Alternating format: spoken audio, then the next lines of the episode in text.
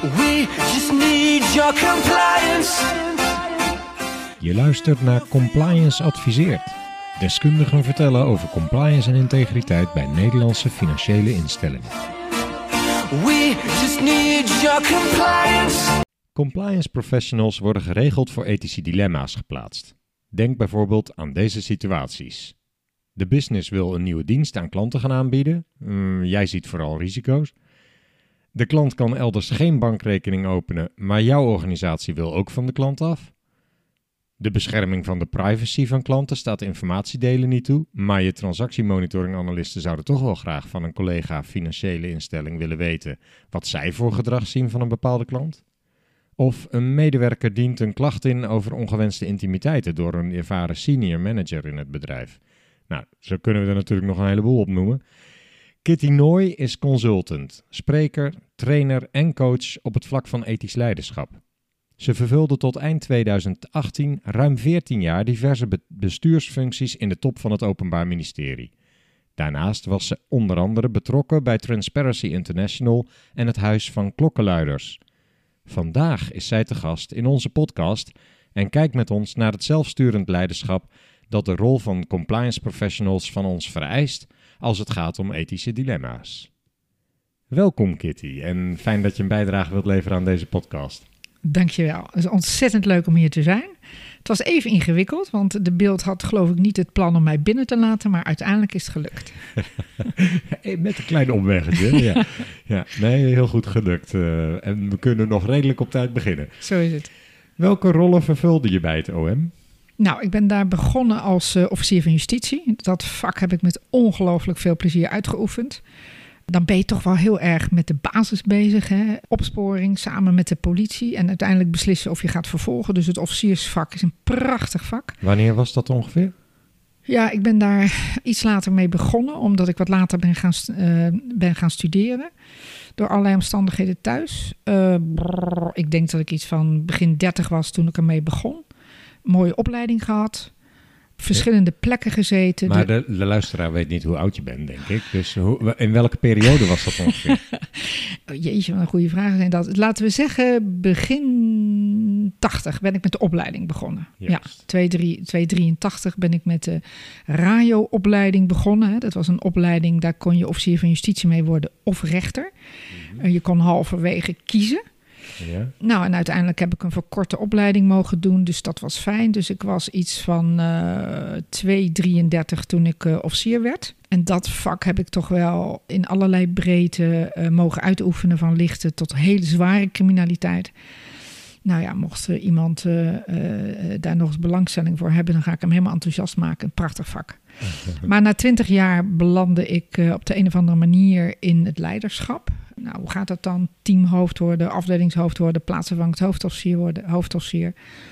Dus dat heb ik de laatste twintig jaar gedaan. Nee, sorry, de laatste vijftien jaar gedaan. En dat met, ook met ontzettend veel plezier. Want het Mhm. leiderschap is mij enorm gaan boeien. En daar gaan we het vandaag ook verder over hebben. Precies. Welke belangrijkste inzichten op het vlak van ethiek heeft 14 jaar bij het Openbaar Ministerie jou dan opgeleverd? Ja, een goede vraag. Eh, ik denk dat het goed is dat ik heel even stilsta bij wat ethiek dan precies is. Hè? En dan krijg je geen lange filosofische eh, eh, verhandeling, dat niet.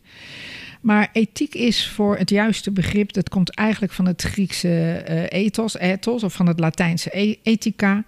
En breed begrepen betekent dat eigenlijk het goede doen, het moreel juiste doen. Gewoon bezinnen op hoe moet je je nou gedragen en de reflectie op wat moreel juist handelen inhoudt. Nou, dat is een mondvol.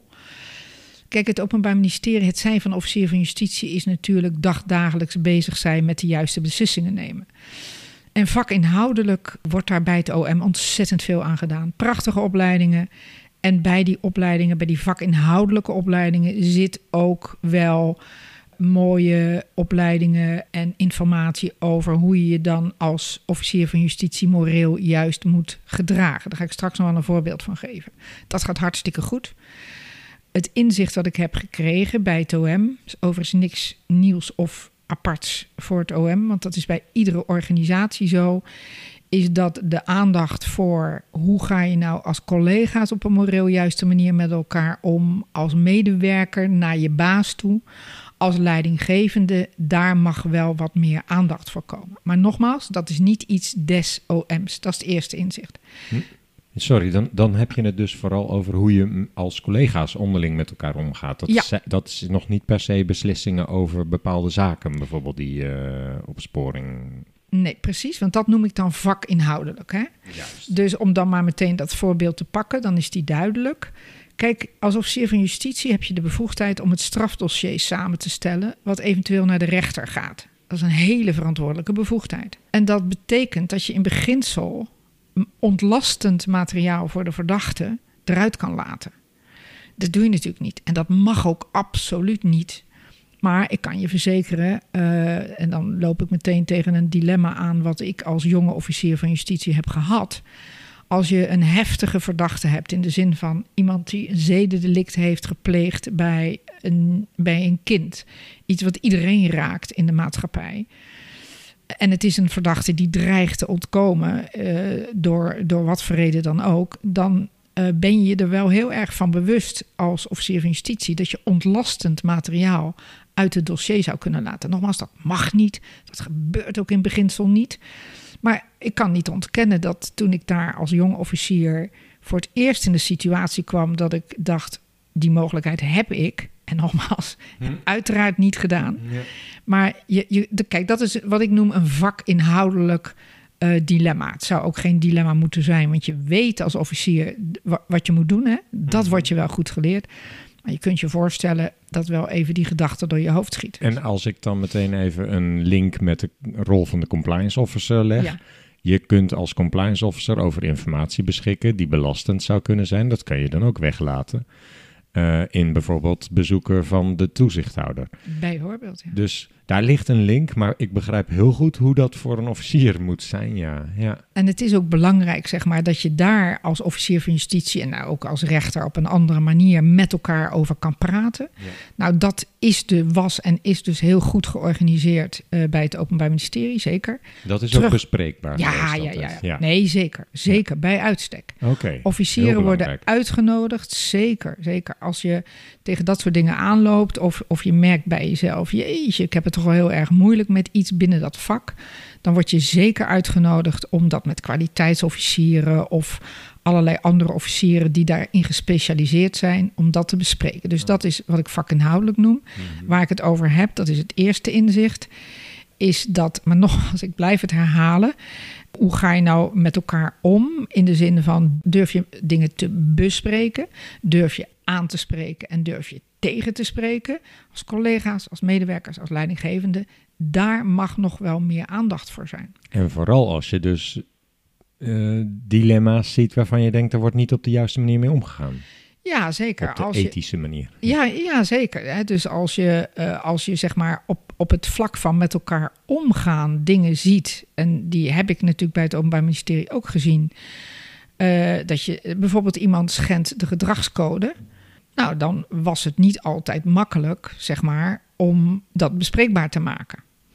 Dus dat is het eerste inzicht. En het tweede, want dat wil ik heel graag benoemen, is dat als er mensen de mist in gaan, hè, dus als mensen eh, binnen het OM dan, waar we het nu over hebben, maar dat geldt ook voor andere organisaties, zien dat iemand moreel onjuist handelt, hè, dus niet het juiste doet, dan moet je niet alleen naar die personen kijken, maar dan moet je ook naar de omgeving kijken. ja. En dat is, eh, dat is het tweede inzicht wat ik, eh, wat ik heb gekregen en eh, waar we nu heel veel aandacht aan besteden. Kijk ook naar die omgeving. Ja, want waarom? Nou, kijk, in beginsel is de mens, denk ik, niet slecht. Ik heb zelden mensen op een, nou, zelden slechte mensen eh, van jongs af aan zien opgroeien. Maar het is natuurlijk, je hebt altijd de psychopaten en de mensen met, met persoonlijke afwijkingen en stoornissen. Maar die even terzijde. Eh, het gedrag van de mens wordt in het algemeen bepaald door de omgeving waar hij of zij in zit. En ik vind eerlijk gezegd dat daar veel meer aandacht voor mag komen. Want niets doen, hè, dus als je dingen ziet gebeuren waarvan je denkt, wauw, dat kan niet. En dat heb ik zo ontzettend vaak zien gebeuren, overal. Als je dan niets doet, hè, Dat is ook een keuze. Mhm. En in strafrechtelijk opzicht, dat klopt trouwens niet, want dit staat niet in, straf, in het wetboek van strafrecht. Maar je mag best zeggen dat als je daar niets aan doet en je zegt niks, hè, ook als compliance officer, ja, dan ben je natuurlijk wel in zekere zin medeplichtig. Ja, ja, ja. Nee, dat volgt ook denk ik wel uit enkele wetten en regelgeving. Ook eh, waar het terugkomt, eh, als je de kennis wel hebt, maar er niks mee doet, ben je ook eh, wel. Ehm, bijvoorbeeld bij witwassen, meen ik. Ja. Ja, zeker. Is dit nou voornamelijk de wijze waarop je vindt dat inhoudelijk, werk inhoudelijk daarna moet worden gekeken, dat, je, dat de context relevant is? Of heb je het vooral over je collega's die iets doen wat, uh, wat tegen de gedragscode is? Die, die tweedeling wil ik nog even aanhouden. Geldt dit voor beide? En, en is dat dan, ik zie je ja, ik noem dat hoort niemand. Nee. Um, maar het is nog steeds gedrag wat niet goed is. En wat dus wat misschien wel strafbaar is. Wat wil je er precies mee zeggen dat je daar rekening mee moet houden? Wil je daarmee zeggen dat dat strafverlichtend is voor vakinhoudelijke keuzes? En hoe zit dat met je collega's bijvoorbeeld? Wil je er dan meer begrip voor hebben? Of zeg je meer, nou vanuit de organisatie, uh, bijvoorbeeld hè, met collega's, zou je iets moeten doen aan de omstandigheden? Dat er meer transparantie is bijvoorbeeld? Nou, dit zijn eigenlijk een heleboel vragen in één keer. Laten we beginnen met de vakinhoudelijke. Ja. Als je in een zaak een, een straf uh, wilt gaan opleggen, moet je dan rekening houden met die context? Ja, als je nu zeg maar dat vraagt aan mij als officier of voor een officier, ja. nee, dan is het volstrekt duidelijk dat als je met een, dus laten we even de situatie nemen dat je op zitting staat en je, je acht het feit wettig en overtuigend bewezen en je komt met een strafeis, dan moet je zeker rekening houden met de omstandigheden. Absoluut. De ene zaak is de andere niet. Hè. Er ja. kan van alles en nog wat spelen. Hmm. Als ik kijk, als ik dat mag verplaatsen naar de compliance officer. Hmm. Um, uh, dat is, uh, zo heb ik begrepen, een soort poortwachtersfunctie. Hè. Hmm. Hij of zij kijkt heel goed aan de voorkant wordt wet en regelgeving goed nageleefd. Uh, als dat overigens niet gebeurt, dan denk ik dat het niet de compliance officer is die, die dat onderzoek doet, maar dat er andere functionarissen uh, zijn in, ja. de, in de organisatie. Ligt er een beetje aan hoe het georganiseerd Precies, is, maar doorgaans ja. wel, ja. Maar ik vind wel dat, uh, dat vind ik eigenlijk wel een hele mooie vraag die je stelt, dat als er uh, schendingen zijn, als er moreel onjuist gedrag is, in de zin van schendingen van regelgeving, wetgeving of wat dan ook, dan is onderzoek uh, het sleutelwoord hier. Hè? Dus er moet onderzocht worden. Ik vindt natuurlijk sowieso een onderzoek plaats. Maar kijk dan ook, en ik heb zomaar het idee dat die compliance officers dat ook doen. Mm-hmm. Ga dan ook kijken hoe komt dat nou? Mm-hmm. Zit dat in het systeem? Kijk, als de persoon zelf gewoon niet deugt, nou, dan, uh, dan, dan komt dat uit dat onderzoek en dan moeten daar consequenties aan worden verbonden. Dat ja. lijkt me glashelder. Mm-hmm. Maar als het met een zekere regelmaat gebeurt, of uh, en ik kan me toch ook al voorstellen dat zo'n onderzoek plaatsvindt als het maar één keer gebeurt. Ga nou eens kijken, werd deze persoon er te makkelijk toe uitgenodigd? Uh, moet dat anders worden georganiseerd in de organisatie? Moet er een vier-ogen-principe komen? Dat staat overigens wel weer los van wat die persoon doet. Hè? Want daar, moet, uh, daar tellen dan ook misschien vaak de persoonlijke omstandigheden. Maar los daarvan denk ik dat het goed is dat ook die compliance officer meekijkt naar, maar hoe, hoe is dat nou in die organisatie geregeld? Wordt het mensen te makkelijk gemaakt? Ja. En om nog maar ook iets, uh, om een open deur in te trappen, uh, hoe zit het met de leiding? In de zin van, en hoe zit het ook met de collega's? Hoe ja. is het voorbeeldgedrag in die organisatie? Cultuur. Cultuur, om ja. een voorbeeld te noemen, ja. Duidelijk, ja. Dat is altijd goed om daar rekening mee te houden, absoluut. Ja. Um, we gingen eigenlijk na vraag 2 al behoorlijk de diepte in meteen. ik, maar ik wil me toch even een beetje weer aan de gespreksstructuur gaan houden. En we waren eigenlijk ook nog een beetje bezig met jouw voorstellen. En ik was wel heel benieuwd op welke wijze ben je bijvoorbeeld betrokken geweest bij het Huis van Klokkenluiders. En dan komen we straks wel weer terug op die ethische dilemma's. Oké, okay, helemaal goed. Ja, hoe kom ik kom zelf uit een, uh, uit een arbeidersgezin. En um, van jongs af aan is het, uh, is het item, is het onderwerp rechtvaardigheid, dat zit in de genen. Dat, uh, dat is wat het is. Dus ik heb een soort natuurlijke neiging om de eh, om achter degene te gaan staan die het moeilijk heeft. En die in de verdediging wordt gedrongen. Waarschijnlijk is dat ook de reden waarom ik officier van justitie ben geworden. Ik heb me ook als uh, officier uh, sowieso verdiept in hoe, hoe zit dat nou met dat hele klokkenluiders gebeuren. En ik ben enorm geschokt en geschrokken in de tijd van het feit dat toen nog, hè, dat is nu anders, lijkt het, uh, belanden in een caravan ergens op de Veluwe op de hei. Dat, Mm. dat vond ik echt dramatisch. Terwijl veel klokkenluiders, niet allemaal natuurlijk, maar toch wel veel klokkenluiders het bij het rechte eind hadden en de moed hadden om uh, misstanden in een organisatie aan te kaarten.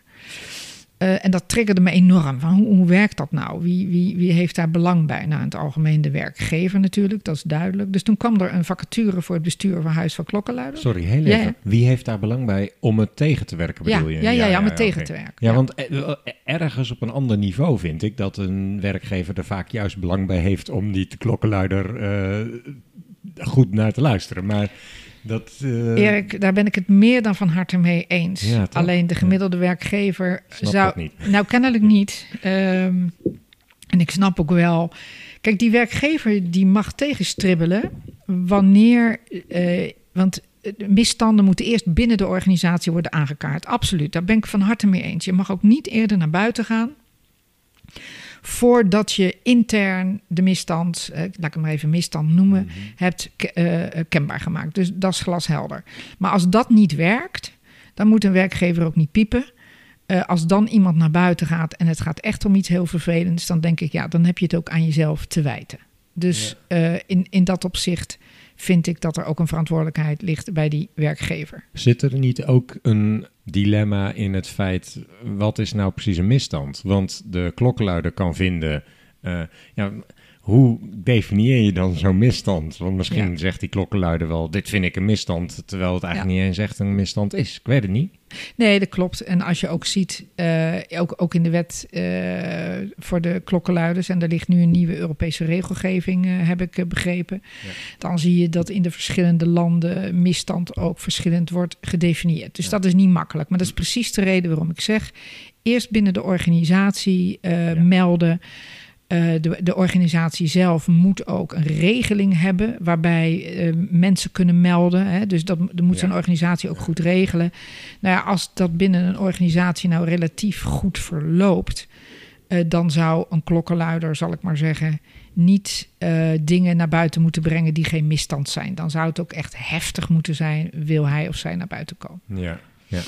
Nou, ik kan me wel voorstellen dat sommige van dit soort gevallen uh, te maken hebben met een verschil in inzicht in wat is een misstand. Maar ja. laten we het vooral hebben over de gevallen waarin toch de klokkenluider gewoon aan het juiste eind uh, trok en dat er tegengewerkt werd.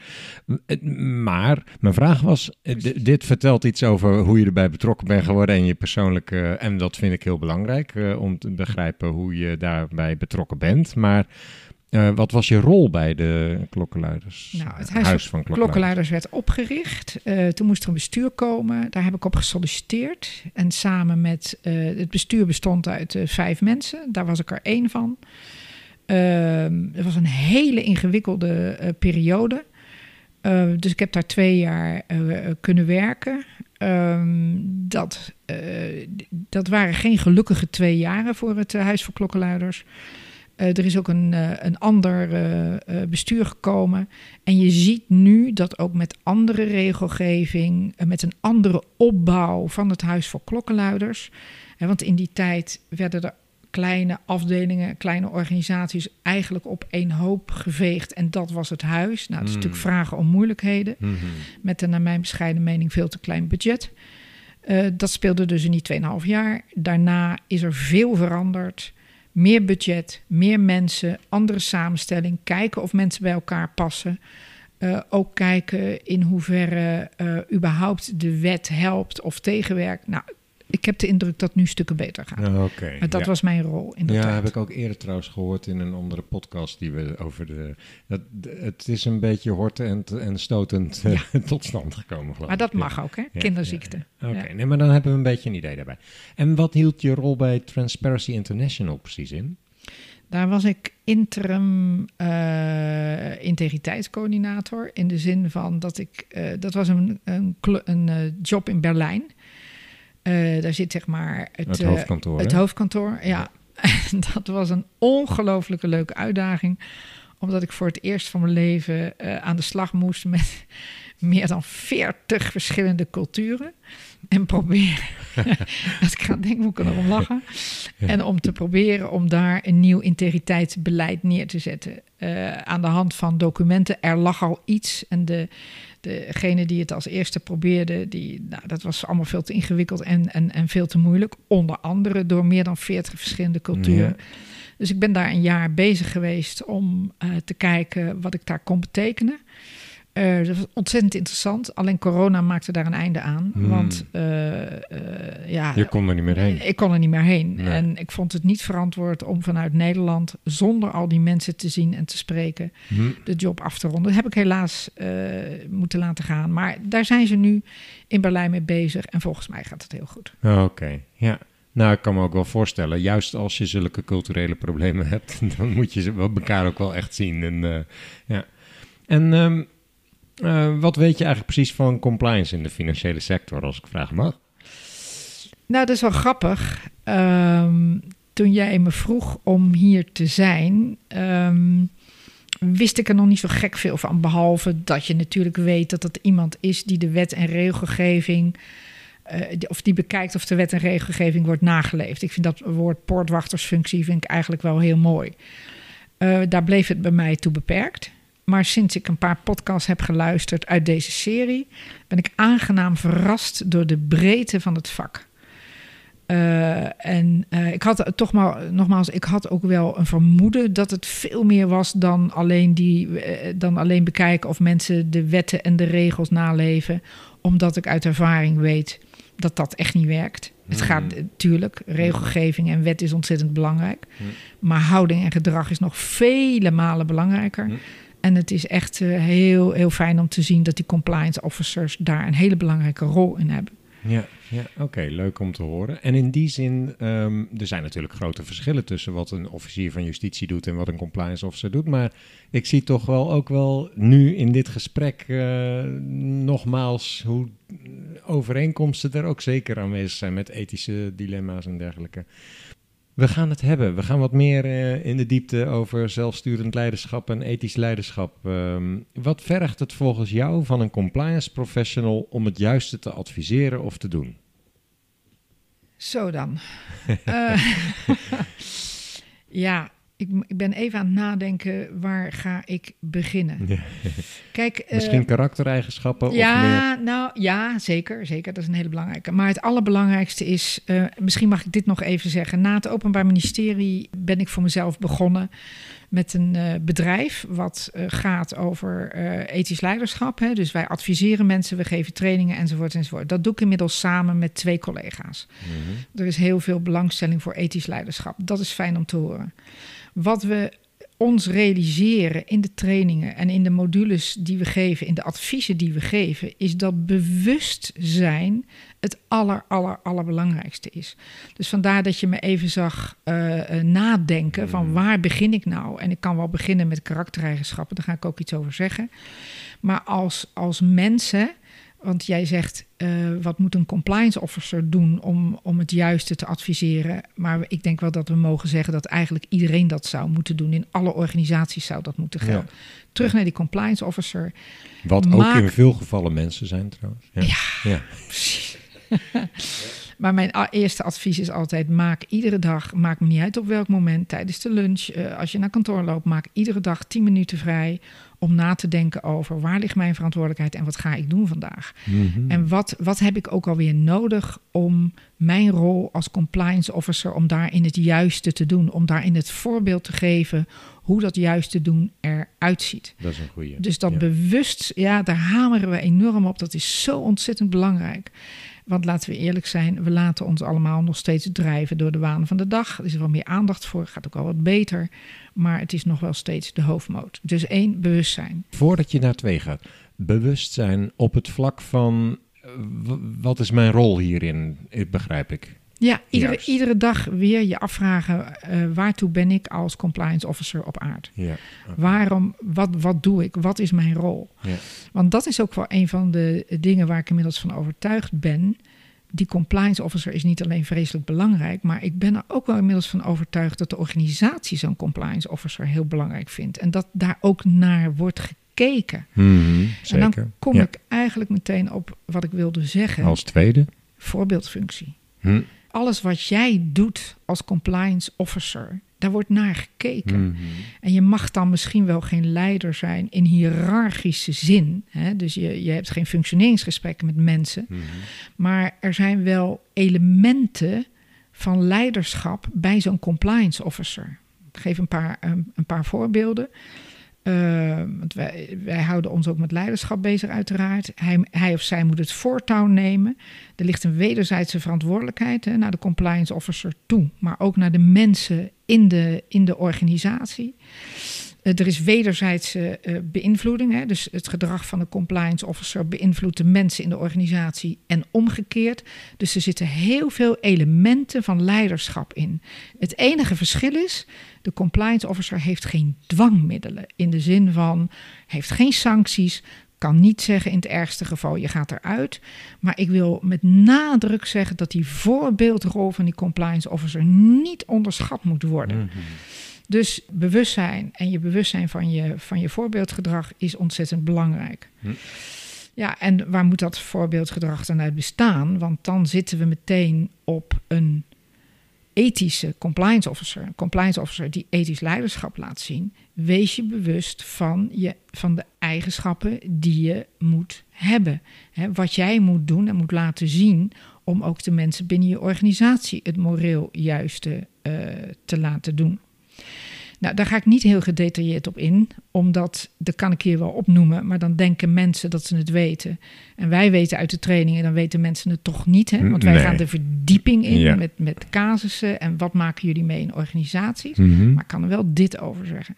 Het heeft te maken met eigenschappen die hebben te maken met weten en eigenschappen die hebben te maken met het dan ook gaan doen. Mhm. En ik ga er toch eentje uitpikken, gewoon voor, het, eh, voor, de, voor de helderheid. Als ik naar compliance officers kijk, dan denk ik altijd direct: wauw, die hebben dus ook moed nodig. Mhm. Dus een van de belangrijke eigenschappen van een compliance officer is de moed. Ehm, voorbeeld. Eigenlijk gaf je dat er straks al. Als er iets niet goed gaat in de organisatie. Ehm, dat kan zijn het niet naleven van wet en regelgeving. Maar dat kan ook zijn onjuist gedrag, om wat voor reden dan ook. Dan weten wij uit ervaring dat het heel veel moed vraagt soms van die compliance officer om dat eh, op tafel te brengen, om dat aan het licht te brengen. Omdat ook in organisaties eh, eh, voorkomt ten aanzien van de compliance officer dat ze dat niet altijd in dank wordt afgenomen. Mag ik? Je, je zei net weten. Dus ik denk dat je als compliance officer in eerste instantie al wel moet weten wat nou wel en niet juist gedrag is. Toch? Daar begint het denk ik mee. En vervolgens ook dus de moed om daar dan iets mee te doen als je die kennis hebt. Ja, maar als ik het heb over weten, dan heeft dat inderdaad te maken met kennis, zeker. Maar het heeft ook te maken met, en daar heb je dat bewustzijn voor nodig, bedenken, wat gebeurt er nou? Hmm. Wat gebeurt er hier? Mhm. Wat zou er moeten gebeuren? En op welke manier moet dat dan gebeuren? En dat is ook een van de dingen waar we mensen in laten verdiepen, waar we mensen in meenemen. Mhm. Dus dat heeft te maken met dat weten, om het nog iets specifieker te maken. eh, Te maken. Het heeft iets te maken ook met oordeelskracht. hè. We, we, we, we geven de mensen ook, we houden de mensen ook voor wat je nodig hebt om op een hele juiste manier te kunnen oordelen. Mhm. Dat heeft te maken met dat weten. Dus kennis, maar ook inzicht krijgen in wat er gebeurt. En als we dan die oordeelskracht hebben neergezet en mensen daarin hebben meegenomen, dan gaan we de mensen meenemen in. En nu moet je het ook doen. Mhm. En daar heeft die moed mee te maken. En in hoeverre spelen, eh, speelt het dan een rol om in kaart te brengen wat de belanghebbenden in de specifieke casus zijn? Want om iets ethisch goed te doen, gaat het er natuurlijk altijd om dat er zo min mogelijk mensen eh, last van hebben of eh, dat, dat zoveel mogelijk mensen gesteund worden door wat je. Bijvoorbeeld, ik noem even iets concreets. Je maakt een nieuw product, eh, je verkoopt iets eh, online, whatever. En je verkoopt het eigenlijk veel te duur of zo. Dus dan zijn er belanghebbenden, namelijk de kopers, die eigenlijk veel te veel ervoor betalen. Ik noem maar iets. Hè? Ja. Dus klopt het dat bij die afweging, is dit nou het juiste? Dat, het, dat je ook altijd in kaart moet proberen te brengen welke belanghebbenden er betrokken zijn? Ja. ja, je stelt een hele relevante vraag. Want als ik goed naar je luister, dan heb je het ook eigenlijk, eh, dan schets je eigenlijk een dilemma, toch? Ehm, kijk, ehm, een, eh, als je dus een, een, een dilemma hebt, dan is er een model voor. Ehm, ik dacht dat het al in een van je podcasts was teruggekomen, maar dat weet ik niet zeker. Mhm. Dat is het zes of het zeven stappen model. Mhm. Eh, daar, je hebt echt wat aan dat model. Omdat daarmee, als je echt in lastige situaties zit, de rechten en de belangen van die mensen, alle belanghebbenden, daarom sla ik ook aan op alle belanghebbenden. Precies. Hè, dat vraagt ook even tijd. Ja. En ehm, eh, ons advies is ook altijd, want een van ons kan, eh, kan ook omgaan eh, met, met dat model. En ons advies is ook altijd, haal er zoveel mogelijk mensen bij om al die belanghebbenden in kaart te brengen. Hè. Dan moet het niet gaan over de vraag of we vanavond nou blo- bloemkool of broccoli eten. Dan moet je wel echt een serieus probleem hebben. Je schetst alle belanghebbenden en je gaat goed kijken waar zitten de rechten, waar zitten de belangen. En heel vaak kom je dan tot een, tot een conclusie of een beslissing waarvan je zegt: Oké, er is altijd schade, linksom of rechtsom, want anders is het geen dilemma. Er is altijd iemand die schade leidt. Sterker nog, beide partijen lijden schade. Maar je bent dan eigenlijk aan het kijken welke partij leidt dan de minste schade eh, aan de hand van het vaststellen van die rechten en die belangen. Kun je iets meer vertellen over dat er altijd iemand schade leidt? Nou ja, dat is, dat is natuurlijk eh, eh, de definitie van een, van een dilemma. En dan kijk ik nog even op wat ik daarover had opgeschreven. Want het, was een interessante, want jouw jouw vragen leiden bij mij ook tot verdieping. Kijk, een dilemma is eigenlijk een vraagstuk waarbij een keuze moet worden gemaakt die niet meteen voor de hand ligt, met meerdere opties, waarbij iedere optie schade en of schendingen kent. Want anders is, anders is het geen dilemma. Dan is het gewoon oké. Ja, dan, dan is het glashelder. Ja. Dus als er, en, en dat bedoelde ik ook eigenlijk, het woord schade is hier misschien wat groter. Je, kan, je kunt ook zeggen, mensen hebben er last van. Maar beide partijen, eh, eh, nou ja, die, die, die, hebben ergens last van. En nogmaals, wij, wij noemen dat dan schade. En je gaat dus op een hele zorgvuldige manier kijken, wat is nou in deze situatie de beste optie? Hm. Dat is een rol voor de compliance professional, zeg jij. Dat, eh, dat ehm, ja, heb ik eh, de neiging om te zeggen, zeker. Maar dat moet hij ook wel in samenwerking met anderen doen. Ik ben even aan het nadenken. En misschien kan jij me daar dan een beetje bij helpen, Erik. Jawel. Misschien. Want in welke situatie eh, loopt een compliance officer daar nou tegenaan?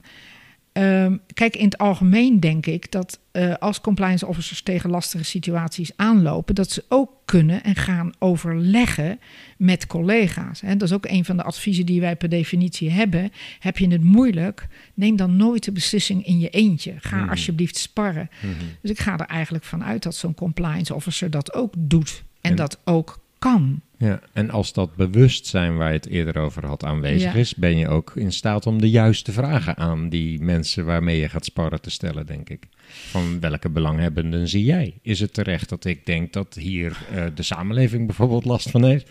Ja. Of- Nee, twee dingen. Dus het is een vaststaand model. Hè? Dus Mhm. je, je kunt eh, eh, nou ja, dat, dat model is te krijgen en daar, en daar kun je ook zeker mee werken. En nogmaals, het tweede is betrek er meerdere mensen bij. Hè? Dus doe het samen met anderen. Ja. Maar als je, als je bedoelt te zeggen dat de compliance officer zich ervan bewust moet zijn dat dit een uitstekende manier van werken is en dat moet aandragen in situaties waarin het van belang is, ben ik het van harte met je eens. Zeker. Maar zouden leidinggevenden zelf niet ook over dit soort eigenschappen moeten beschikken? Heb je per se een compliance professional nodig hierin? Vrees van wel. Ja. Ehm, ik, kijk, er zijn ontzettend veel goede leidinggevenden. En eh, eh, dat is helaas niet eh, altijd het geval. Er zijn ook leidinggevenden die, nou, die beter iets anders zouden kunnen gaan doen. De goede leidinggevenden, overigens, die, die laten zich ook heel vaak leiden eh, door de waan van de dag. Daar zien we trouwens wel steeds meer verbetering in. Hè. Ook die leidinggevenden gaan veel meer kijken naar ethiek. Wat is hier het juiste eh, om te doen? Maar laat die compliance officer alsjeblieft die leidinggevende daarin steunen. Laat die ze voeden. Eh, geef ze informatie. Trek ze aan de oren bij wat er aan de hand is. Ja. Agendeer het. Ja. Ehm, doe dat ook bij je toezichthouder trouwens. Neem die daar ook in mee. Dan klinkt alsof dat ook allemaal onderdeel uitmaakt van dat ethisch leiderschap van de compliance professional. Ja, weet je, in feite eh, kan een organisatie helemaal niet zonder ethisch leiderschap. Heb jij een beeld bij een organisatie die leiders heeft die niet het moreel juiste doen? Eh, dan, Ehm, dan denk ik aan Rusland. ja, en ik denk dan, als ik daar niks aan kan veranderen, dan ga ik gewoon weg. Ja, Weet je, ja, dus dat, ja. die, eh, dat moreel juist te doen, hè, nogmaals, het, het mag wat zwaar klinken, maar het juist te doen, dat zien we ook, daar zien we steeds meer belangstelling voor. En dat is ook wel te begrijpen, want ehm, ik ben een optimist, hè. Eh, maar als we nu om ons heen kijken, binnen organisaties, ehm, in de wereld, eh, klimaat, sociale kloof, nou, ik hoef het allemaal niet op te noemen dan zouden we ons veel meer bezig moeten houden met wat is hier nu het juiste om te doen. En dan kom ik weer, dat vraagt om bewustzijn. Mhm. Dat vraagt om snappen eh, wat je moet doen, op welke manier je moet opereren. Als je dat doet, dan geef je een voorbeeld. En we hebben inmiddels ervaren, en dat is ook onderzocht, dat als je het juiste voorbeeld geeft, dat dat absoluut respect en vertrouwen oplevert. Hè. Misschien niet direct, hangt een beetje van de organisatie af. Mhm. Maar dan zie je ook wel weer een wisselwerking. Want ehm, ik weet nog wel uit mijn eigen tijd bij het OM... dat als we dan een leider hadden... dat mag eh, een, een procureur-generaal zijn, mag een hoofdofficier zijn... Dat, maar het mag ook gewoon een teamleider zijn... als die eh, moedig is, als die de juiste dingen weet te benoemen... als die ook het juiste laat zien in ingewikkelde situaties... en zeker toen ik nog eh, jong was, zal ik maar zeggen, nu trouwens ook hoor... dan weet ik wel dat dat enorm veel respect afdwong. En dat ik dan ook wel eens dacht, wauw, dat krijg ik nog niet voor elkaar. Dat Hm. durf ik nog niet. Hm. Maar het zat altijd in mijn hoofd. Dat wil ik ook ontwikkelen, denk je Dat dan? wil ik ook ontwikkelen. En ik heb ook wel regelmatig gehad dat als ik dan als uh, of weet ik veel wat, of portefeuillehouder integriteit, want dat heb ik ook nog een poosje gedaan bij het OM, het moeilijk had, dan kwam het regelmatig voor uh, dat ik dan aan zo iemand dacht en uh, dat ook als voorbeeld nam en proberen uh, te bedenken. Wat hij of zij zou doen en daar dus een voorbeeld aan te nemen. Ja, ja. Dus, dus even Ja. terug. Um, als als zo'n kaar, nogmaals zo'n compliance officer dat doet, dan kan dat een enorme um, impact hebben op de rest van de organisatie. Hoe kan een compliance professional de juiste omstandigheden scheppen om ethisch juist handelen te bevorderen binnen een onderneming? Wat, wat, hoe, hoe neem je daarin de leiding dan? Stel je bent niet zo heel erg uh, van de op de voorgrond treden, moet je dan een ander vak kiezen? Of kan je dat toch ontwikkelen? Ja, dat kun je zeker ontwikkelen. Dat kun je zeker ontwikkelen, denk ik. Um, ja, weet je, als je als compliance, compliance officer uh, door je karakter of door wat dan ook het echt heel vervelend vindt om proactief te handelen en dingen te agenderen die ingewikkeld zijn, dan blijf je nog steeds een fantastisch mens. Maar dan moet je misschien, dan kan het zijn dat je iets anders moet gaan doen. Ja, ja. Maar als je dat ingewikkeld vindt uh, en denkt, hmm, uh, ik zou daar wel, want dat heeft weer met moed te maken. Het heeft, het heeft alles met moed te maken. Dan zou ik zeggen, dat is zeker te ontwikkelen. Daar hebben we ook een, een, een, een instrument voor ontwikkeld. Dus je kunt zeker, um, nou ja, als je, als je dat graag wil, uh, dat, dat kost tijd. Maar dat, dat is echt absoluut te doen. Dat is absoluut en, te en, doen. En wat geeft dan houvast voor iemand die moed wil ontwikkelen op dit vlak? Nou, sowieso het, uh, het, uh, het plan wat, wat, mij, uh, wat, sorry, wat wij geven om dat te ontwikkelen. Maar er zijn meer dingen. Eh, wij zeggen ook tegen mensen: maak een integriteitscoalitie, maak een ethische coalitie, zoek backing. Ehm, als je bijvoorbeeld bij een raad van bestuur iets wil agenderen en je denkt: wauw, dat gaat hem weer niet worden, want ze hebben allerlei andere dingen aan hun hoofd. Kijk dan of je in die raad van bestuur of in een groepsraad, als daar ook MT-leden bij zitten, kijk dan of je daar, uh, nou een bondje sluiten klinkt natuurlijk een Ja, beetje, nee, maar, maar- maar, ja. maar je snapt wel wat ik bedoel. Ja. Ga eh, voorverkennen. Ga met die mensen in gesprek en zeg, joh, als ik dat nou tijdens die vergadering eh, eh, aan de orde breng, mag ik dan van jou steun verwachten. ja. Dus dat is ook een van de dingen die we mensen meegeven. Ga nou niet ehm, helemaal alleen op pad. Zorg Hm. ervoor dat, er, eh, dat je mensen om je heen hebt die, je, eh, die- die jou steunen. En ja. nog andere tips misschien? Wel Ja. goed het, je analyse al helemaal uitwerken voordat je, Ja, je aan de moet- slag gaat misschien? Ja, ja, nee, je, je moet heel goed op de hoogte zijn van, eh, van, van, van waar je het over hebt. Hè. Dus, dus daar mag je je best eh, eh, in verdiepen. En wat ook werkt, en dat heb ik niet zelf eh, verzonnen, maar dat blijkt uit een onderzoek van Leonie Heres uit eh, 2016. Dat is een heel interessant rapport, dat heet Tonen van de Top. En zij heeft onderzocht omdat heel veel ambtenaren, meer dan de helft bij de overheid, eh, vond dat hun leiders niet echt eh, ethisch bezig waren, dat het allemaal veel beter kon, heeft zij onderzocht dat als je als leider, als raad van bestuur, überhaupt gewoon als leider niets aan integriteit en ethiek doet, dat heet dan amoreel leiderschap, dan staat vast dat dat hele vervelende consequenties heeft.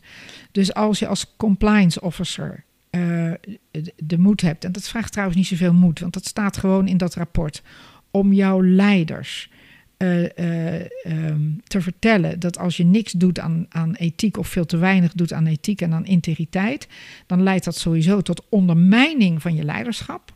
Het leidt tot cynisme. Eh, je krijgt totaal geen vertrouwen en, en respect meer. En per saldo leidt het op de korte of op de langere termijn absoluut tot integriteitsschendingen.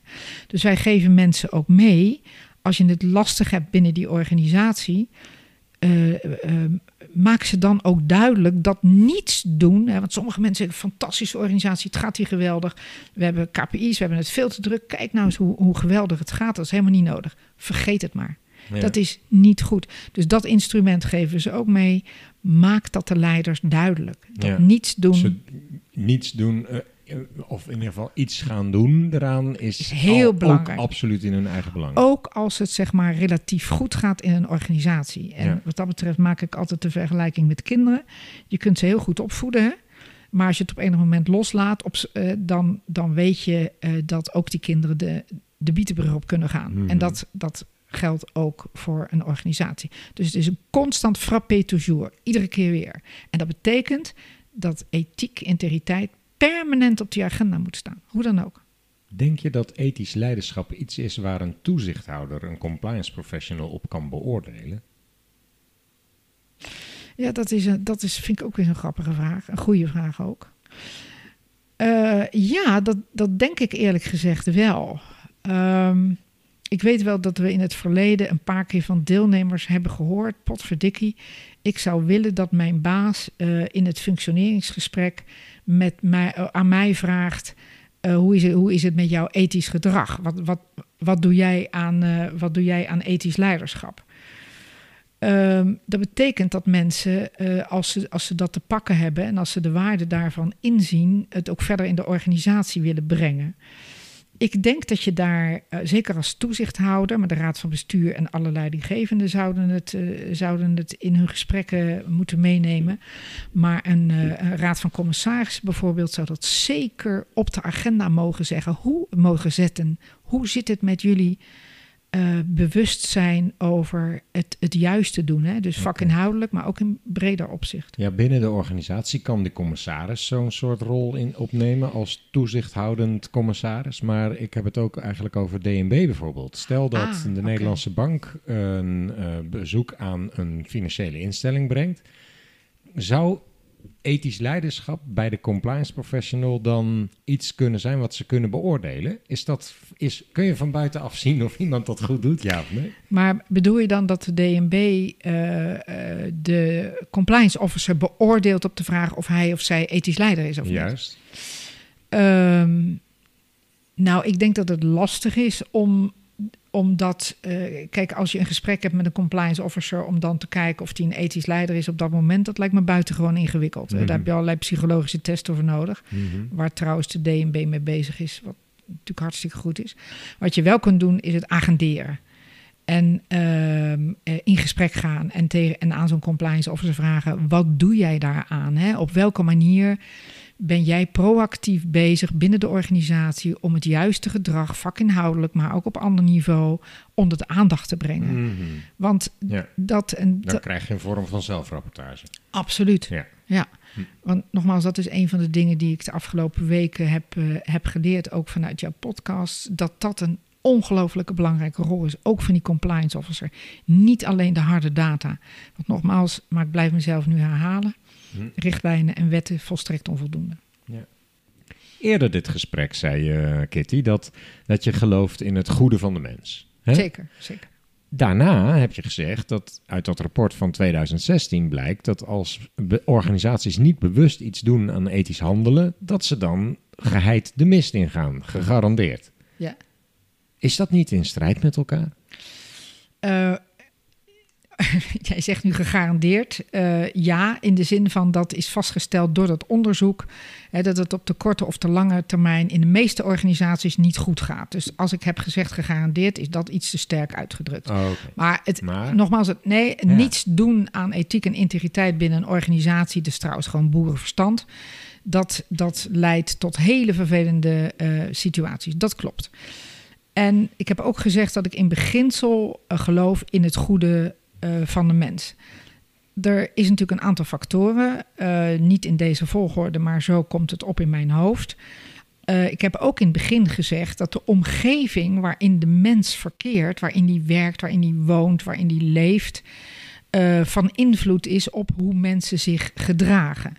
Dus die, eh, dus die omgeving is een belangrijke factor. Dat is onder andere een reden waarom je mensen, als ik het zo plat mag zeggen, een beetje in de gaten moet houden en ze bewust moet maken van, eh, van, van, van het juiste gedrag moet, eh, wat ze moeten vertonen. Ja, en laten we eerlijk zijn, als het erom spant, en dat geldt voor mij ook, ja, dan komt eigenbelang natuurlijk, ja, dat, dat speelt een hele belangrijke rol. Nou, dan kom je ook weer terug op zo'n model waarin je zou kunnen kijken welke belang en vooral welke rechten dan op zo'n moment eh, eh, spelen. Maar goed, de, de situatie is belangrijk waarin je verkeert. De omgeving waarin je eh, verkeert is van belang. Dus het is inderdaad een, een, een, een volstrekt waanidee om te denken dat mensen uit zichzelf altijd het goede doen. Nogmaals, de, de aanleg is volgens mij goed. Maar er speelt te veel in deze wereld met te veel problemen om het dan ook maar te laten gaan. Dus Ja. vandaar permanent die aandacht ervoor. En zeker binnen organisaties. De goede mens in de organisatie heeft er wel af en toe wat hulp bij nodig. Van- Absoluut. en met name van onze compliance professional dan. Ja. Ja. Ehm, zie je nog eh, aan het eind van een podcast, we, we gaan een beetje richting afronding, vraag ik altijd nog twee dingen. Eh, hoe, wat denk je over de toekomst? En heb je nog een advies voor de compliance professional? Laten we met de toekomst beginnen. Eh, zijn er nog ontwikkelingen te verwachten op dit gebied?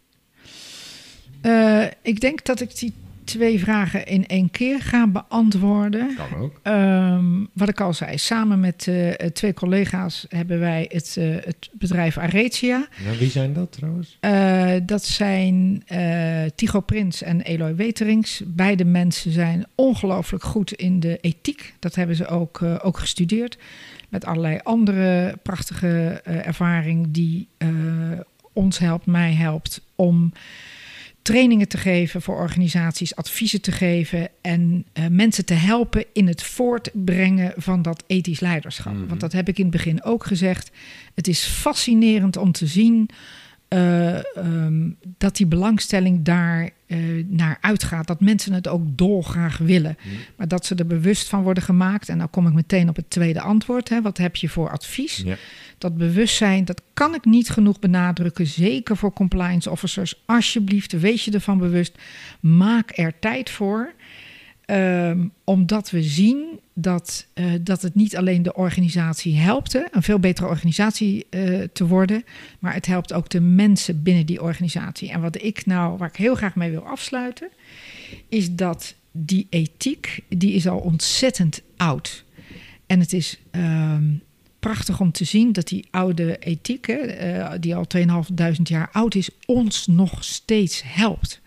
En als je kijkt naar allerlei andere wetenschappen, richtingen, stromingen, dan ken ik er eigenlijk niet één die duizend, tweeënhalf jaar of 2500 jaar oud is en nog steeds van belang is. En het mooie is dat dat met die ethiek nog steeds zo is. Want de waarden, de, de eigenschappen en alles wat daar belangrijk was, dat heeft zich natuurlijk heel mooi ontwikkeld, maar is nog steeds van ongelooflijk belang in, eh, in deze maatschappij. Dus als de compliance officer daarin mee wil gaan en aandacht voor wil hebben, Dan Da- is die goed bezig. ongelooflijk goed bezig.